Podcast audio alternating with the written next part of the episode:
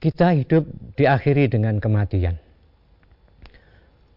Allah Subhanahu wa taala telah memberitakan kepada kita betapa beratnya apabila orang-orang itu dalam masa hidupnya memanfaatkan waktunya itu hanya untuk bersenang-senang saja tidak mempersiapkan untuk waktu hidupnya nanti di akhirat, dia nanti akhirnya ketika mendapatkan tekanan-tekanan sakaratul maut itu, malaikat nanti memaksa nyawa itu keluar dengan dipukul mukanya, dipukul punggungnya, sehingga nyawa itu dipaksa untuk keluar Siapa yang demikian diperlakukan oleh malaikat pencabut nyawa itu? Itu adalah orang-orang kafir, orang-orang munafik, orang-orang yang masa hidupnya itu hanya untuk bersenang-senang, tidak mengerti makna hidup yang sebenarnya itu.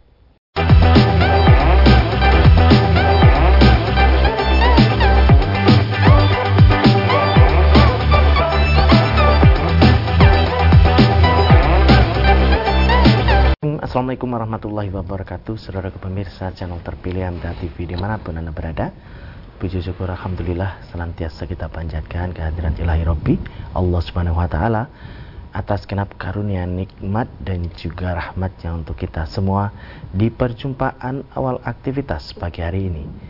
Kita jumpa kembali di program unggulan Fajar Hidayah Dan Alhamdulillah sudah hadir Ustadz Sisadono yang nanti akan melanjutkan pelajaran sekaligus memberikan pencerahan untuk kita semua di kesempatan kali ini. Assalamualaikum warahmatullahi wabarakatuh Ustaz. Waalaikumsalam warahmatullahi wabarakatuh. Kabar baik dan sehat pagi ini Ustaz. Alhamdulillah khair insyaallah. Alhamdulillah. Baik.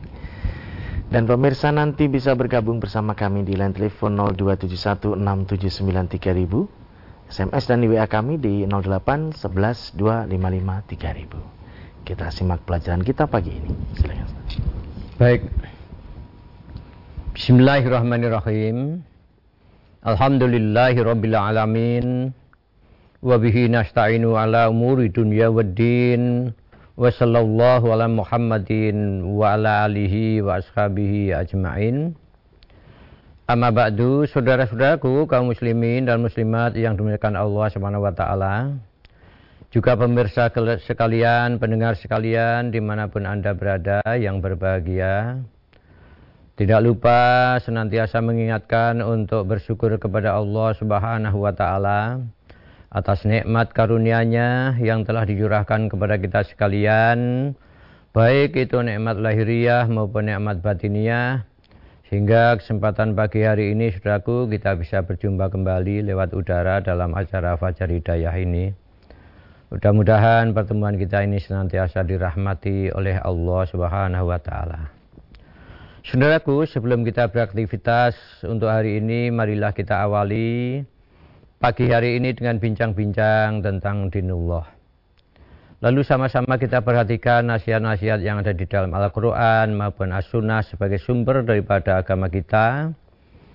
Dengan harapan agar tingkah laku kita perbuatan kita sampai perjalanan hidup kita senantiasa berada di atas jalan yang benar, di atas jalan yang lurus, yang ujung-ujungnya kita mengharapkan keselamatan dan kebahagiaan hidup baik di dunia ini maupun nanti di akhirat. Saudaraku, kita sudah sama maklum bahwa kita hidup ini memang diciptakan oleh Allah Subhanahu wa taala Kita semua menyadari bahwa kita hakikatnya adalah ciptaan Allah Subhanahu wa taala. Allah menciptakan kita agar supaya kita hidup di bumi ini, hidup di dunia ini. Boleh kita itu hidup bersenang-senang, berfoya-foya, tapi perlu diingat bahwa hidup di dunia ini ada batasnya. Artinya tidak selamanya kita hidup di dunia ini tidak. Maka di dalam ayat Al-Quran Allah Subhanahu Wa Taala telah berfirman dalam surat Al-Baqarah itu ayat 36 itu ya A'udzubillahi minasyaitonirrajim ya. Walakum fil ardi mustaqarrun wa mata'un ilahin ya Ketika Adam ya diciptakan oleh Allah Subhanahu wa taala kemudian diturunkan di bumi ini ya kamu memang pada saat itu Adam tapi hakikatnya adalah sampai anak keturunannya. Siapa anak keturunannya? Ya kita manusia ini. Kita semua ini. Kamu boleh bersenang-senang hidup di muka bumi ini, hidup di dunia ini sekehendak hatimu. Tapi ilahin ada batasnya. Artinya tidak selamanya hidup di dunia ini. Nah, inilah saudara-saudaraku yang perlu kita ingat bahwa hakikat kehidupan kita manusia di dunia ini ini memang oleh Allah Subhanahu wa taala itu dipersilahkan untuk mempergunakan waktu hidupnya itu sesuka hatimu. Tapi Allah memang gitu, yang Maha Rahman, Maha Rahim itu telah memberikan petunjuk-petunjuknya agar supaya manusia di dalam memanfaatkan waktu hidupnya itu bermanfaat betul untuk dunia dan akhiratnya mengutus para nabi, para rasul dengan tuntunan agama atau wahyu Allah Subhanahu wa taala ini agar menuntun kita manusia ini supaya jalan hidupnya menuju kepada jalan yang terang, jalan yang lurus. Gitu. Yang ujung-ujungnya memang keselamatan, kebahagiaan hidup dunia dan akhirat itu. Nah oleh sebab itu saudaraku, kita hidup di dunia ini boleh. Baman sa'afal yakfur, baman sa'afal yu'min. Apabila kamu ingin menjadi orang kafir, silakan. Kafir. Tapi apabila kamu ingin menjadi orang mukmin, juga silakan.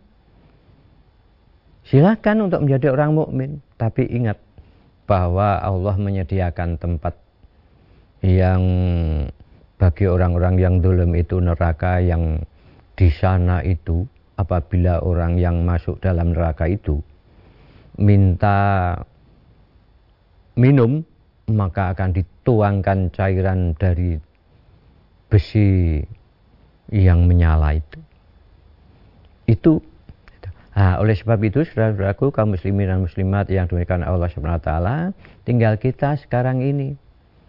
Apakah kita ingin memanfaatkan waktu hidup di dunia yang hanya beberapa tahun ini untuk bersenang-senang tanpa menatap masa depan di akhirat atau yang lain? Gitu. Maka oleh sebab itu, gitu, Allah Subhanahu wa taala memberikan hidayah kepada kita manusia ini yang tidak semua manusia itu diberi hidayah oleh Allah Subhanahu wa taala sehingga apabila seseorang itu mendapatkan hidayah dari Allah taala dia akan mengerti makna hidup kita itu sehingga dengan itu akhirnya mau memanfaatkan hidup ini dengan sebaik-baiknya gitu. sehingga dengan memanfaatkan waktu hidupnya itu nah, nanti diharapkan akan mendapatkan kebahagiaan keselamatan nanti di akhirat itu maka saudara-saudaraku kaum muslimin dan muslimat yang dimuliakan Allah SWT kita hendaknya yakin betul bahwa nanti akan ada satu kehidupan yang lain yaitu di akhirat sana kita hidup diakhiri dengan kematian. Allah Subhanahu wa taala telah memberitakan kepada kita betapa beratnya apabila orang-orang itu dalam masa hidupnya memanfaatkan waktunya itu hanya untuk bersenang-senang saja tidak mempersiapkan untuk waktu hidupnya nanti di akhirat dia nanti akhirnya ketika mendapatkan tekanan-tekanan sakaratul maut itu malaikat nanti memaksa nyawa itu keluar dengan dipukul mukanya, dipukul punggungnya, sehingga nyawa itu dipaksa untuk keluar. Siapa yang demikian diperlakukan oleh malaikat pencabut nyawa itu? Itu adalah orang-orang kafir, orang-orang munafik, orang-orang yang masa hidupnya itu hanya untuk bersenang-senang, tidak mengerti makna hidup yang sebenarnya itu. Maka di dalam Al-Quran sudah kita diperingatkan agar supaya kita mengingat akan suatu saat nanti di mana kita manusia semuanya nanti akan mengalami namanya sakaratul maut. Sakaratul maut itu adalah masa berakhirnya hidup manusia di dunia ini. Dia akan memasuki alam yang lain, akan memasuki alam barzah itu. Maka ketika dalam sakaratul maut itu orang-orang kafir itu berat di dalam masa-masa menghadapi kematian itu. Allah memperingatkan kepada kita dengan firman-Nya itu dalam surat Al-Anfal ya ayat 50 A'udzubillahi minasyaitonirrajim Walau tara id yadawafal ladina kafarul malaikatu yadribuna wujuhahum wadbarahum waduku azabal hariq. Kalau kamu melihat ketika para malaikat itu mencabut jiwa atau nyawa orang-orang kafir seraya memukul muka dan belakang mereka dan berkata rasakanlah olehmu siksa neraka yang membakar begitu di dalam surat Al-Anfal ayat 50 di mana di dalam ayat itu menjelaskan betapa beratnya susahnya sakitnya orang yang kafir di dalam menghadapi syakaratul maut itu. Malaikat di dalam mencabut nyawanya itu seraya memukul mukanya.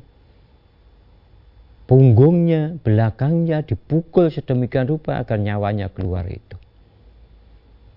Nah inilah saudara-saudaraku kalau kita mengingat yang demikian itu betapa sengsaranya apabila orang tidak tahu makna hidup kita. Kita hidup di dunia itu untuk apa? kita hidup di dunia sudah sama-sama maklum agar supaya kita menghambakan diri hanya kepada Allah Tuhan sekalian alam ini. Saudaraku kaum muslimin dan muslimat yang demikian Allah Subhanahu wa taala juga di dalam surat Muhammad ayat 27 itu 28 dikatakan ini sakaratul mautnya orang-orang munafik. Sama, hampir sama dengan orang-orang kafir itu sama. Dikatakan di dalam ayat itu, fa kaifa idza tawafatahumul malaikatu yadribuna wujuhahum wa adbarahum dzalika bi annahum taba'u ma ashatallahu wa karihu ridwanahu fa ahbata a'malahu Bagaimana keadaan mereka apabila malaikat maut mencabut nyawa mereka seraya memukul muka mereka dan punggung-punggung mereka. Yang demikian itu adalah karena sesungguhnya mereka mengikuti apa yang menimbulkan murka Allah dan karena mereka membenci apa yang menimbulkan keridhaan Allah. Sebab itu Allah menghapus pahala mereka itu. Nah inilah saudara-saudaraku kaum muslimin dan muslimat yang demikian Allah SWT. Akhir kesudahan daripada kehidupan orang-orang yang masa hidupnya itu suka itu, berbuat sesuatu yang menimbulkan kemarahan Tuhan. Apa itu? Ya bentuknya perbuatan-perbuatan dosa yang melanggar aturan-aturan agama. Dia benci kepada perbuatan-perbuatan yang diridhoi oleh Allah. Mereka nanti akhirnya akhir kesudahan hidupnya, dia ketika dicabut nyawanya oleh malaikat itu, dia akan dipukul mukanya dan juga dipukul punggungnya sehingga dipaksa keluar dari jasadnya ini. Naudzubillah, saudaraku. Maka mudah-mudahan dengan peringatan-peringatan Allah SWT itu kita pandai-pandai memanfaatkan waktu hidup kita itu kita tidak hanya hidup bersenang-senang, berfoya-foya, tidak, tetapi kita harus mengerti makna hidup kita yang sebenarnya itu. Insya Allah Ta'ala apabila kita mengerti mana hidup dan akhir kesudahan kita itu adalah husnul khotimah mudah-mudahan Allah di dalam mencabut nyawa kita itu dengan lembut, dengan santun, dipersilahkan dalam hadis itu dipersilahkan untuk keluar dengan sendirinya tanpa dipaksa-paksa, tanpa dipukul, tanpa di eh, bagaimanakan oleh malaikat itu. Nah inilah saudaraku, mudah-mudahan ini indar peringatan bagi kita untuk itu perlu kita mempersiapkan di dalam kita menghadapi masa-masa yang demikian itu. Demikian yang dapat kami sampaikan. Ya, untuk. baik. Baik pemirsa, kami harapkan Anda bisa bergabung bersama kami di line telepon 0271 6793000, SMS dan juga di WA kami di 08 11 255 Namun sebelumnya kita akan simak beberapa informasi dalam rangkaian jeda pariwara berikut ini. Saya channel terpilih MTA TV di mana pun Anda berada, terima kasih Anda masih setia bersama kami, khususnya di program unggulan Fajar Hidayah pagi ini. Kesempatan pertama kami persilahkan di line telepon 02716793000 untuk bisa bergabung. Halo, Assalamualaikum. Halo, Assalamualaikum. Waalaikumsalam warahmatullahi wabarakatuh. Dengan siapa di mana Bapak? Pak Dengan Abu. Bapak Abu Syuhada di Pontianak, Kalimantan ya, Silakan Pak Abu Syuhada. Assalamualaikum warahmatullahi wabarakatuh Ustaz Waalaikumsalam warahmatullahi wabarakatuh Saya tertarik dengan penjelasan ini tadi bahwa kan di kan katanya kan hadis Rasulullah itu kan bahwa sakaratul maut itu lebih daripada seribu kali bacokan pedang sakitnya. Tapi yang penjelasan yang Pak Ustaz jelaskan tadi itu sampai kita yang beriman ruh kita dipersilakan dipersilakan keluar tanpa dipaksa enak tenang gitu. Jadi saya mendambakan yang seperti itu. Pertanyaan saya Pak Ustaz apakah dengan yang kita amalkan ini seperti saya jujur ya saya hanya mengamalkan sholat lima waktu kemudian mengamalkan sunnah Rasulullah yang saya pahami dan semua amalan yang tidak saya tidak tahu ilmunya saya tidak mengikut walaupun di sekitar saya itu mengerjakannya tapi saya tidak mau ikut hmm. bahkan diundang kita tidak mau datang. Bila mereka nanya kenapa tidak datang? Saya belum tahu tuntunannya Nah, hmm. apakah hanya dengan seperti itu yang sebisa-bisanya itu? Apakah itu juga bisa mengantarkan kita sehingga air hayat itu seperti itu Ustaz dipersilakan keluar sendiri dan tidak sakit. Karena saya ngeri membayangkan itu karena saya menghadap istri saya lu meninggal itu lama memegang nyawa tuh walaupun tidak walaupun mulutnya katup tapi saya itu merasakan gimana gitu kan bagaimana kalau kita yang merasa apakah dengan ini bisa juga mengantar kita untuk mendapat keringanan seperti itu Ustaz? Nah, saya sangat ngeri apabila membayangkan sakaratul maut. Mohon Pak Ustaz penjelasannya dan tausiahnya. Terima kasih. Semoga sehat selalu dan dalam, tetap dalam rahmat Allah Subhanahu wa taala. Ya, Assalamualaikum warahmatullahi wabarakatuh. Waalaikumsalam warahmatullahi wabarakatuh. Iya, jadi di dalam Al-Qur'an itu kan disebutkan fa imma ya'tiyanakum minni hudan faman tabi'a hudaya fala khaufun alaihim walahum yahzanun. Apabila telah datang petunjuk dariku, dari Allah, maka barang siapa yang mengikuti petunjukku, petunjuk dari Allah, maka tidak akan merasa susah, takut, dan tidak akan merasa bersedih hati. Nah, maka oleh sebab itu, dengan mengikuti, mengikuti petunjuk-petunjuk Allah yang telah diturunkan, yaitu kalau kita di dalam apa kita umatnya Muhammad, Nabi Muhammad itu ya mengikuti Al-Quran, As-Sunnah itu dengan mengikuti insya Allah Ta'ala dalam akhir hayat kita tidak merasa susah, tidak merasa khawatir, takut, itu tidak. Gitu. Tidak, jadi Allah Subhanahu wa taala telah memberikan sakinah ketenangan kepada jiwa-jiwa yang dalam masa hidupnya itu senantiasa taat kepada Allah, taat kepada Rasulnya, sehingga sangat memperhatikan tentang hal ehwat hidup ini gitu. Nah, maka oleh sebab itu perlu kita terus camkan firman Allah SWT itu wabtagi fi ma atakaul darul akhirah wala tansa nasibaka minad dunya. Jadi carilah kebahagiaan hidup itu nanti di akhirat. Gitu. Tapi jangan lupa juga bagian hidupmu di dunia ini. Nah ini yang penting sehingga kita berusaha dalam hidup ini untuk mencari kebahagiaan hidup nanti di akhirat. Itu tujuan hidup yang sebenarnya itu mencari kebahagiaan nanti di akhirat. Memang di dalam kehidupan di dunia ini banyak kesenangan-kesenangan, banyak hal-hal yang menjadikan kadang-kadang kita lupa, tapi tidaknya harus ingat kesenangan, kebahagiaan yang sebenarnya itu nanti di akhirat itu. Maka wabtagi fima atakau darul akhirah. Itu. Lah itu yang penting, maka apabila Bapak nah tadi telah katakan berusaha semaksimalnya di dalam memanfaatkan hidup terutama di dalam beribadah khususnya beribadah itu memang betul. Wala takfu malasyalaka bil ilmun. Inna sam'a wal basara wal huada kula kulu ulaika kan anahu mas'ula itu.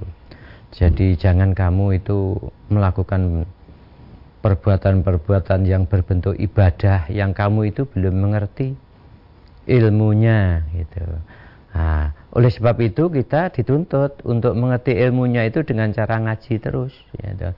dengan cara belajar ngaji untuk mengerti agar supaya gitu, apa yang kita kerjakan kita laksanakan itu sesuai dengan petunjuk-petunjuk Allah maupun Rasulnya itu.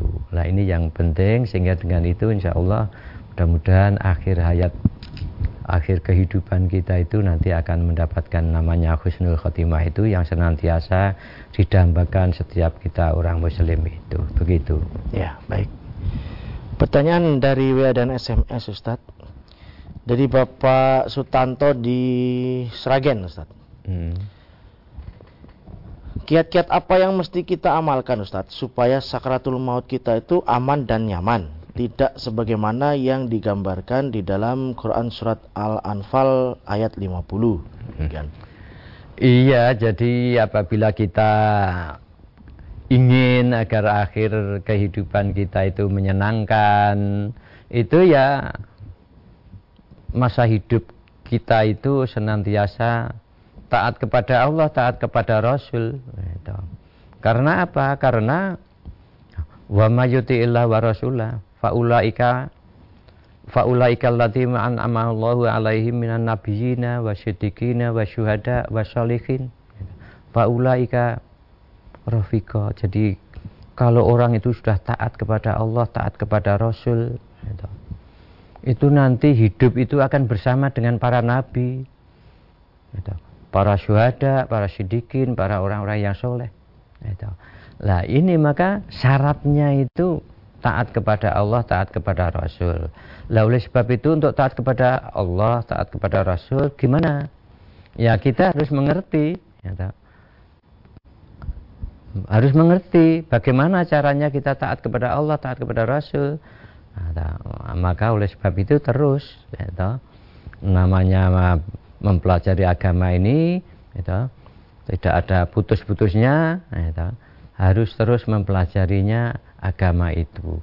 Nah, sehingga dengan itu mudah-mudahan kita itu, dengan taat kepada Allah taat Rasul itu itu, itu walaupun itu, di dalam sakaratul maut itu pun juga merasakan sakit tetapi tidak seperti orang-orang kafir yang tadi dalam surat Al-Anfal itu tadi.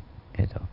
Rasulullah SAW pun orang yang maksum, beliau itu orang yang tidak punya dosa, itu pun di dalam menghadapi sakaratul maut dalam hadis itu pun juga merasakan sakit. Juga merasakan sakit dalam sakaratul maut itu. Padahal Rasulullah, nah itulah maka terus tingkatkan ketaatan kita kepada Allah, kepada Rasul, ya toh dengan cara terus kita belajar menekuni gitu, Al-Quran dan As-Sunnah ini dan kita amalkan dalam kehidupan kita sehari-hari ini.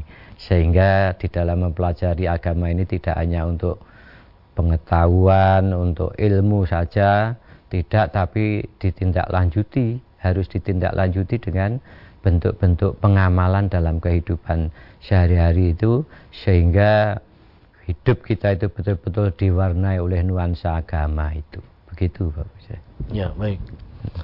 Berikutnya dari Bapak Ari di Jember.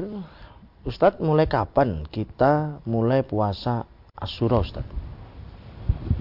Mulai puasa Asyura itu ya Asyura itu sendiri. Ya, Jadi Asyura itu tanggal ke-10 pada bulan Muharram, tanggal 10 Kan riwayatnya sudah sama-sama kita maklum. Dulu ketika Rasulullah sampai di Madinah itu melihat ada orang-orang Yahudi itu sama berpuasa. Nah, berpuasa di hari Asyura itu di tanggal 10-nya, 10 Muharram itu. Ketika ditanya, kamu mengapa puasa? Karena berpuasa ini adalah kemenangan Musa atas Fir'aun gitu.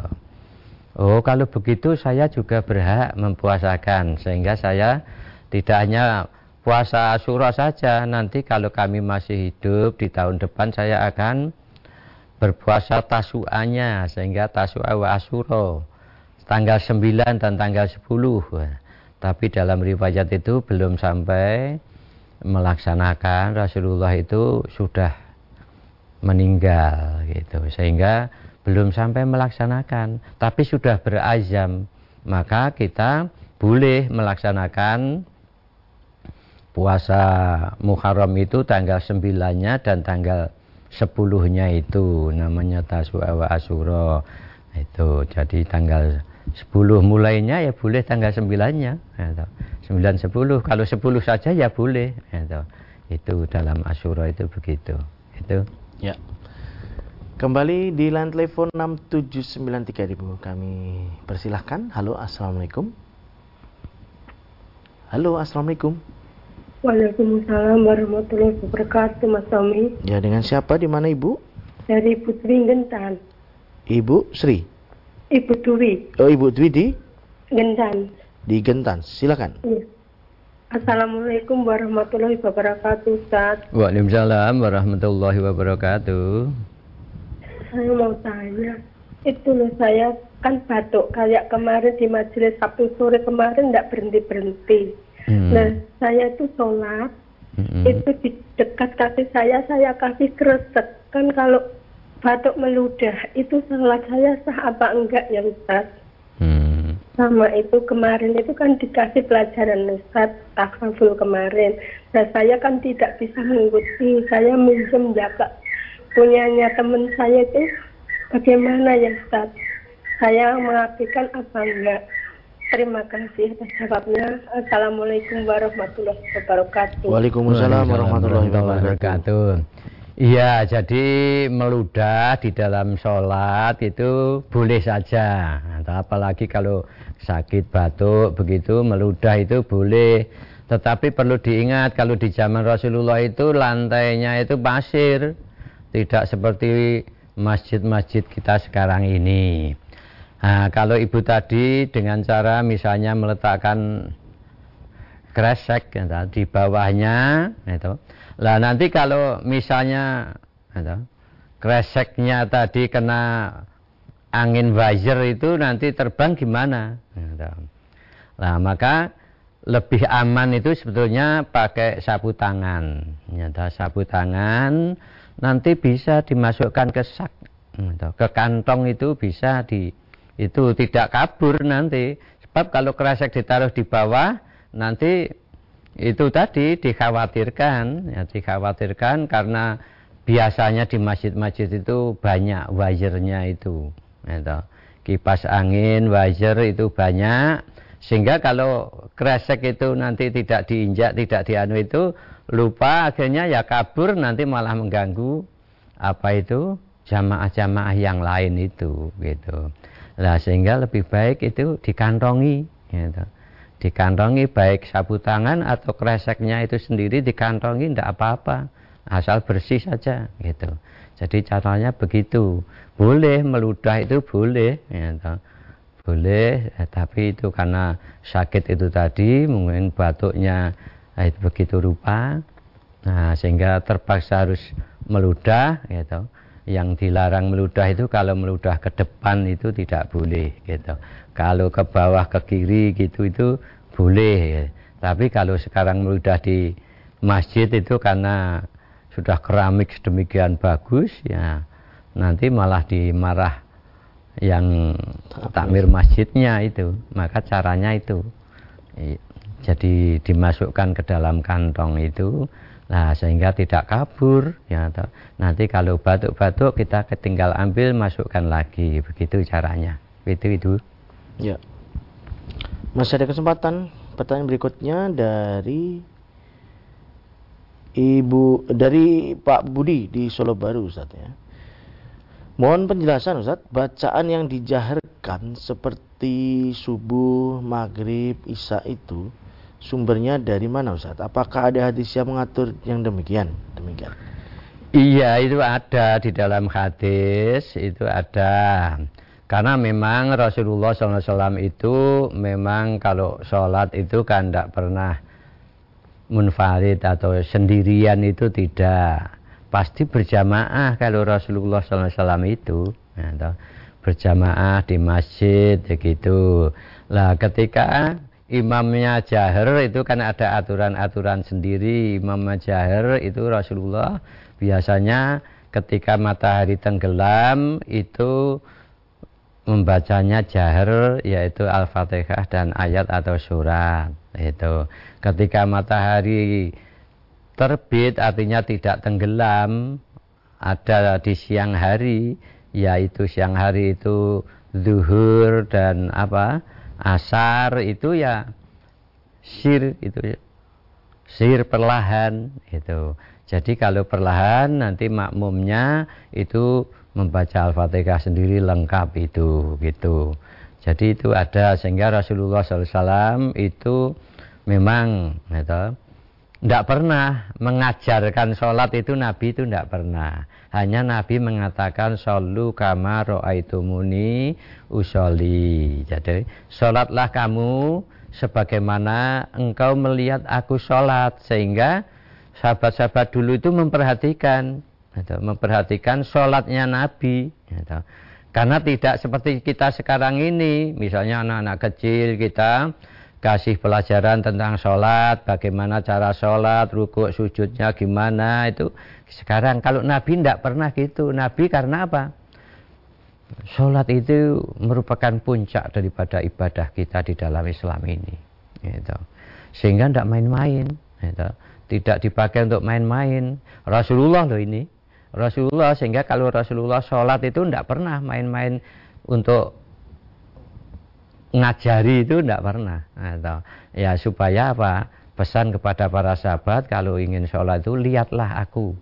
Aku Nabi di dalam melaksanakan sholat itu. Lah di antaranya itu tadi bacaan bacaannya gerakan-gerakannya dan sebagainya sejak dari takbiratul ikhram sampai kepada salam itu semuanya sudah ada di dalam hadis-hadis yang sekarang ini. Begitu Pak. Ya baik. Berikutnya dari Ibu Ratih di Kartosuro.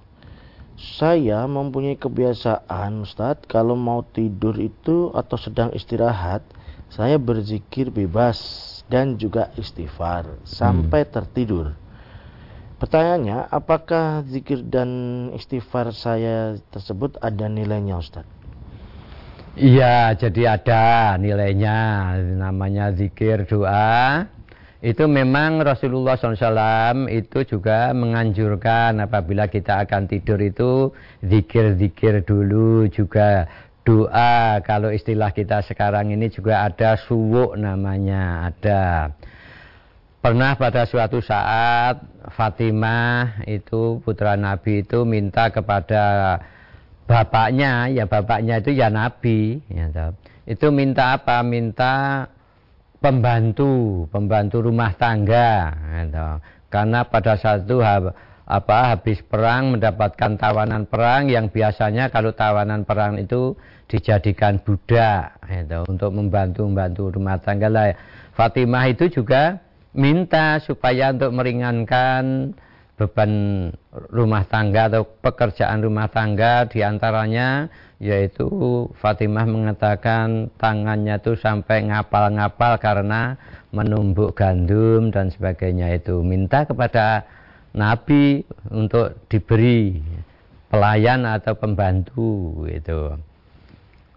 Rasulullah mengatakan ketika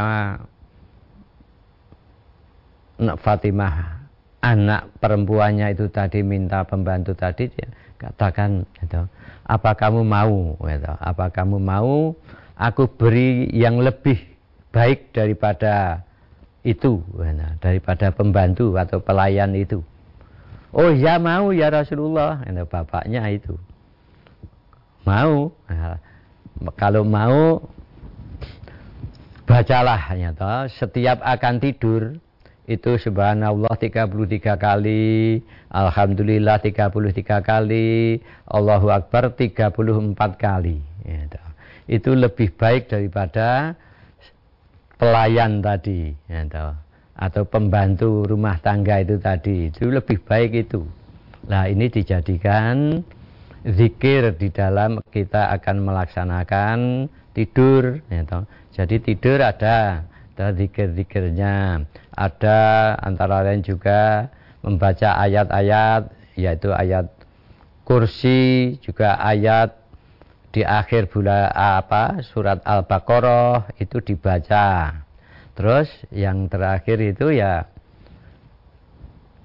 doanya itu doa akan tidur itu dibaca sambil kalau Rasulullah itu berbaring ke kanan ya tangannya itu dipakai untuk apa itu sandaran kepalanya itu gitu caranya jadi zikir itu memang ya dianjurkan akan tidur dianjurkan Nah itu ada anjuran-anjuran dari Rasulullah itu antara lain begitu. Tapi bukan berarti harus begitu. Ya boleh zikir bebas bagaimana itu tadi ya boleh saja yang demikian itu. Ada itu nilainya itu. Gitu. Iya baik. Baik Ustaz, kami hmm. sampaikan terima kasih atas tausiah dan pelajarannya pagi ini Ustaz. Begitu, iya. Assalamualaikum warahmatullahi wabarakatuh Ustaz. Waalaikumsalam warahmatullahi wabarakatuh. Baik saudaraku pemirsa channel terpilih MTA TV di mana pun Anda berada Demikian tadi telah kita simak dan ikuti bersama program unggulan Fajar Hidayah pagi ini Kita jumpa kembali di kesempatan mendatang dan saya Tamil Fatani pamit undur Alhamdulillahirrahmanirrahim Subhanakallahumma wa bihamdika Asyadu ala ilaha illa anta astaghfirullah wa atubu Assalamualaikum warahmatullahi wabarakatuh